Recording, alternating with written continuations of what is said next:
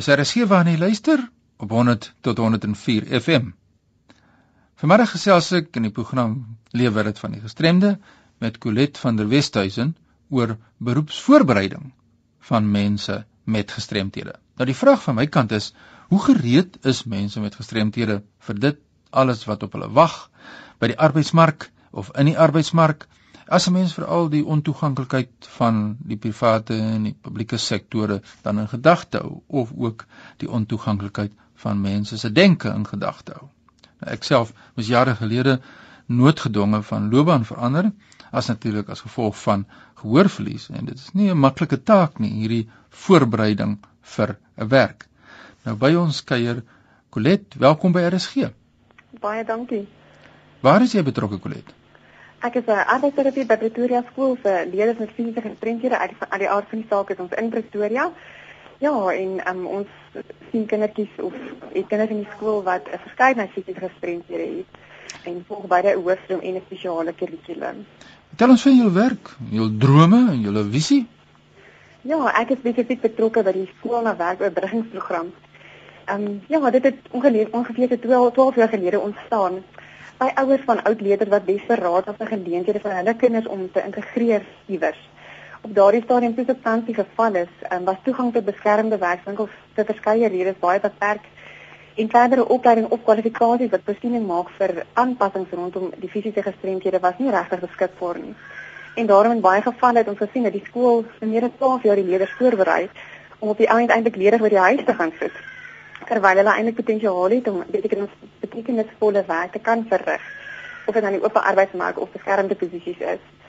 Soos arbeidsterapeute in die werkdeelname vir ons baie na aan die hart of dit nou formele werk of informeel betaald of vrywillig is. Ons glo dat werk 'n groot rol speel in 'n mens se menswaardigheid en selfverwesenliking. En aan daar het ons begin ondersoek instel na modelle vir integrasie van persone met gestremdhede nadat hulle skool voltooi het. So in Amerikaanse programme het ons waardevolle beginsels geleer en dit um, in ons konteks kom toepas. Ehm um, dit is veral gebaseer dan op bruggingsdienste of dis hulle dit noem transition services in ehm um, ondersteunende werk of supported employment. So van jare building tomorrow ons skool na werk bruggingsprogram 10 jaar oud um, en ons visie bly om vir jong mense met gestremdhede uh, te ondersteun in hulle rolle wat hulle as volwassenes begin inneem en hulle te help om maksimaal te ontwikkel. ons fokus is dan veral op werk. Ja, is dit nou hierdie ondersteunende aspek, die konsep wat jy nou van praat? Ja. Ons ehm um, ja, ons gaan 'n bietjie gesels oor oor hoe ons vir hulle daai ondersteuning dan bied. Ja, dit's wat ek om te kry tot werk. Ja. Dis wat ek wil vra. Wat behels hierdie ondersteunende konsep dan nou in detail? Ja, ehm um, wel die definisie van skool na werk oorbrugging in ons konteks is dat ons 'n proses volg waar die jong mens dan deur middel van gespesialiseerde ondersteuningsdienste, onder andere die van 'n arbeidsterapeut, voorberei word vir die integrasie in die oop arbeidsmark en gemeenskapsstrukture. Dit begin al reeds op die ouderdom van 12 jaar en kan voordien tot die persoon um, minimale ondersteuning nodig het om betrokke en geïntegreerd in sy rolle en posisies te wees veral die as werker. Ek dink jy het nou nou genoem van die uitdagings uh, wat daar steeds in die arbeidsmark is en um, daarom het hulle spesifieke ondersteuning en en hulp nodig. Ehm um, tans word hierdie diens nou hoofsaaklik gelewer as 'n verlenging, verlenging van hulle skoolopleiding en sover ek weet is daar nie regtig privaat dienste beskikbaar nie. Ja, en dis nou waar die arbeidsterapeut inkom, né? Ja, ons ehm um, ag ja, ek kan sommer net so vinnig sê, ek dink uit ons opleiding, die aard van ons opleiding word ons ehm um, regtig geposisioneer om die persoon te kan uh, analiseer en verstaan wat is hulle ehm um, vaardighede en behoeftes en ook wat is die werk se vereistes en en moet jy mekaar dan baie mooi by mekaar te kan pas en waar daar nie goeie passing is nie, miskien 'n paar aanpassings te kan maak um, of in terme van die omgewing of hoe die taak verrig word of hulpbron te verskaf wat dan vir die persoon gaan maksimale um, toegang gee daartoe. Ja. Jy wat nou net by ons aangesluit het, ek gesels met Colet van 'n Wesduisen en sy's van Pretoria skool en ons kyk na die beroepsvoorbereiding en wat alles daarop wag op die kind of die jong mens om 'n gelyke geleentheid dan nou in die arbeidsmark te kan bekom en dan wil ek by jou hoor die geleenthede wat daar is, die moontlikhede ten opsigte van hierdie beroepsvoorbereiding. Wat is jou siening daar? Ja, ek dink ehm um, daar's daar's positiewe en en hoe dit die uitdagings vir ons jong mense. Uh ek dink ons ondersteunende oorbrugging as sulks is betreklik onbekend in Suid-Afrika. Ehm um, befondsing vir sulke dienste ontbreek en daarom is daar weinig private instansies of professionele persone wat dit aanbied. Ehm um, as 'n skoolgebaseerde diens is dit vir ons baie sinvol aangesien ons omvattende inligting en reeds bestaande netwerke met die belanghebbendes soos die familie van die leerder het. Ehm um, ongelukkig beperk dit dan hierdie diens dat dit nie beskikbaar is aan leerders wat verbonde is aan daardie skool. Ek dink ehm um, enerzijds die vooruitgang wat in die afgelope 10 jaar as gevolg van arbeidswetgewing en wetstoepassing rondom inklusie gemaak is, maak dit baie gunstig vir jong mense om wel toegang tot geleenthede te bekom. Aan die ander kant plaas uh, die huidige ekonomiese klimaat wel 'n demper op werklike indiensname op die lang termyn. Nietemin, um, vind ons oor die algemeen dat besighede en maatskappye baie gewillig is om deel te hê aan ondersteunende indiensopleiding, waar die lede dan eintlik as vrywillige werker inskakel en saam met ervare medewerker werk om die nodige werksvaardighede aan te leer. Um, ons keuses ten opsigte van die opleidingsposisies is uiteenlopend en hierdie posisies word gesoek en individueel onderhandel na gelang van die leerderprofiele. Ehm um, uit 'n logistieke oogpunt word ons maar beperk tot plasings binne 'n sien maar 7 km radius van waar ons geleë is. En ehm um, in hierdie ons is ligging in die middestad van ons groot voordeel.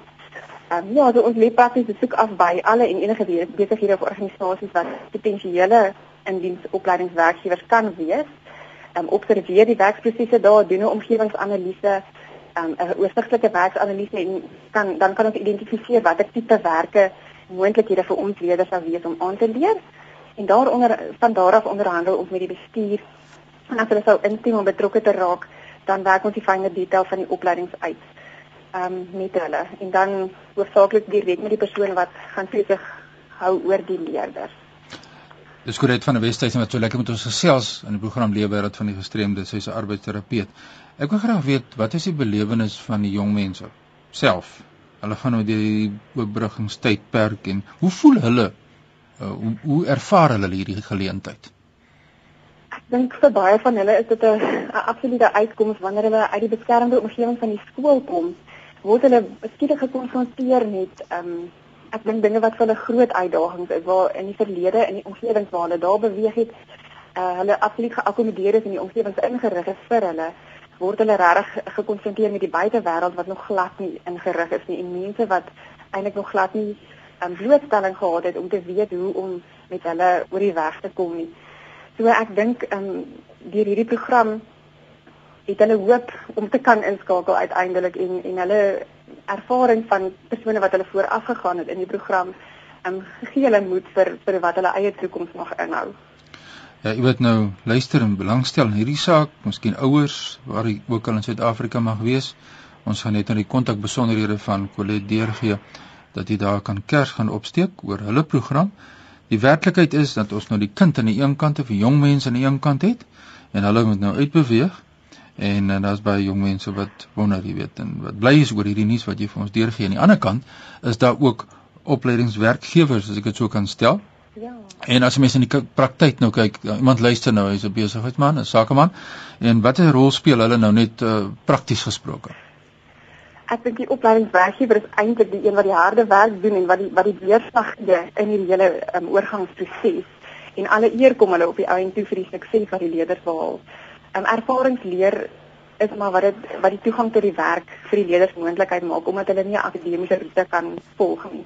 So die opleidingswerkgewer word um, hy's absoluut die middelpunt van daardie proses en hulle insette hoewel dit nie noodwendig baie tyd van hulle gaan vereis nie um, het ongelooflike belang vir die leerder en ons vind dat die leerder dan ook bydra tot die produktiwiteit in die um, organisasie en wat ons die ideale uitkoms van die opleiding is is wel dat die opleidingswerkgewer dan 'n uh, werkgewer word en dit basies hierdie persoon groot gemaak na hul hand en absoluut vir daai posisie opgelei en en dan is dit 'n ideale oplossing vir daai persoon om aan um, aangestel te word waar hy sy opleiding gedoen het. Colet, ek neem aan daar seker baie suksesverhale wat jy beleef elke dag. Deel met ons een suksesverhaal.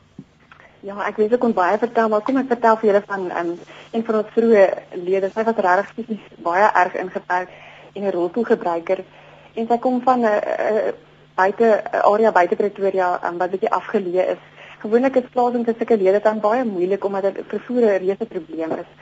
Maar ja, dit was moontlik deur haar in diensopleiding by Pretoria skool se koshuis.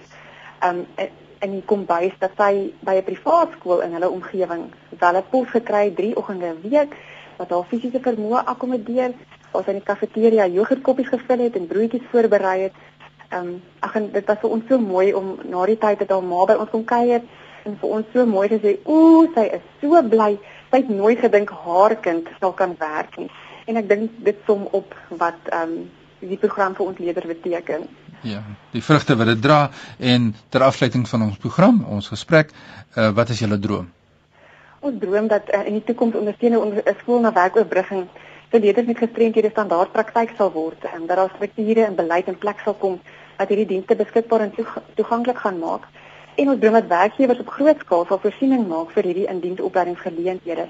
Ehm um, en nie, nie net in stereotype posisies vir verlede of of vir mense met gestremdhede uh, sal plek maak nie, maar regtig sien dat elke persoon in in sy area van belangstelling en waar sy sterkpunte lê sal kan werk. Ja, tot volle potensiaal kan groei in die werkplek en waar kry mense jou in die hande Colet? Ja, by Pretoria skool ons telefoonnommer is 012 323 4455 en jy kan net vra maar iemand uit die arbeidsterapie afdeling te gesels.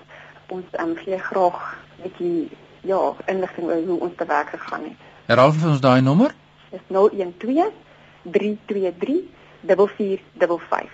Nou ja, dit was die gesprek met Colet van der Westhuizen. Ons het gepraat oor beroepsvoorbereiding soos wat hulle dit daar doen by die Pretoria skool en indien enige inligting wil hê as jy ouer is miskien of 'n potensiële werkgewer asseblief raak betrokke.